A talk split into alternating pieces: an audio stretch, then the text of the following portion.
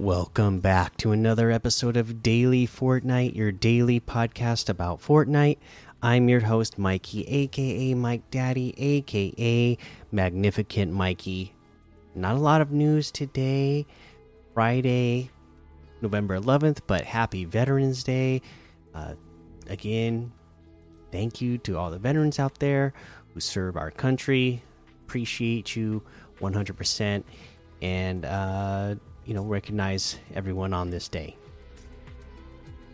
and uh, in, in, the in the world of Fortnite, not a lot of news going on, but we do have FNCS Invitational this weekend, Saturday, Sunday. Make sure you're checking it out. I'm sure it's going to be exciting gameplay.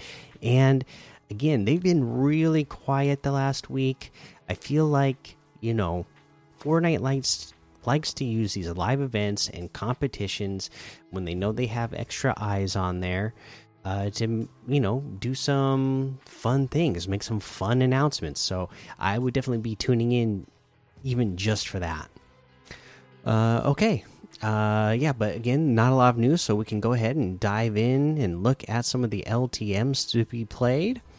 Things like Choppa Base Wars Tycoon, Octo Game, Sunshine Escape Room, Black vs. White Backrooms Update, Escape Rooms, Toy Grab CTF, Backrooms Castle, Capture the Flag, 420 level Death Run Escape Room, Death Run 150 level, Green versus Zombies Backroom versus All, OG Capture the Flag, Sand versus Water Backroom versus Empty Room, Red versus Blue Space Station, and there's a whole lot more to be discovered in the Discover tab. Let's go take a look at these weekly quests. What are we on? Week 8? My goodness. Okay, collect weapons from eliminated players. Uh, now, this is one you're not going to go to Team Rumble for, right? Because in Team Rumble, when you get eliminated, you uh, keep your loot you you drop you know players drop ammo but they're not dropping the loot so you, are gonna need to go into you know the normal game modes uh, you know squad up with some friends if you can uh, eliminate other players and then literally just go over there and pick up the weapons. Uh, and you know again if you're squadding up with friends you can all help each other out right? Uh, help each other take turns. Uh, you know, if you eliminate just one person, somebody go over there, pick up the loot, eliminate the per next person, let the next person who hasn't got the challenge done pick up the loot, and so on. Um, you know, or if you're just if you're just flying solo, you know, drop somewhere like tilted towers where everybody picks up loot quick, but uh, people also get eliminated quick. So you can go pick up the stuff that those players uh, drop when they're eliminated.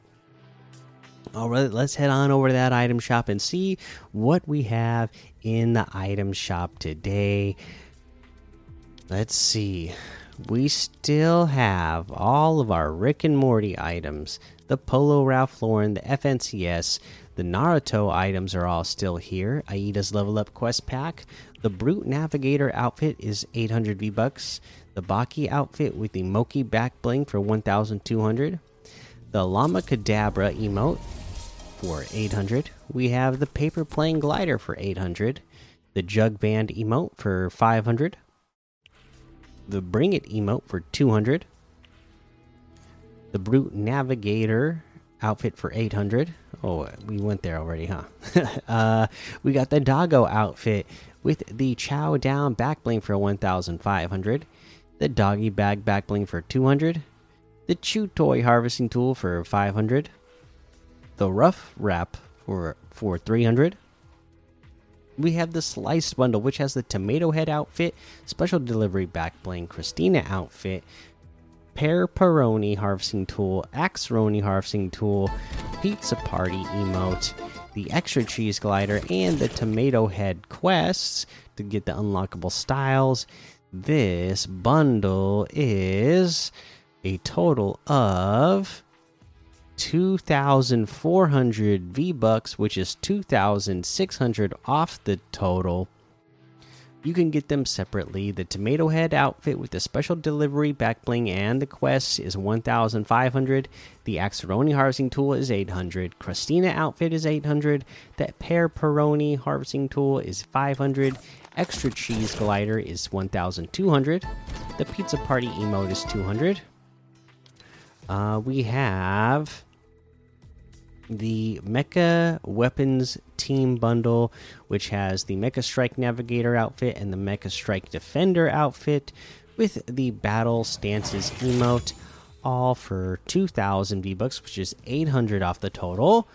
The Mecha Strike Navigator with Battle Stances emote is 1,400. The Mecha Strike Defender outfit with the Battle Stances emote is 1,400.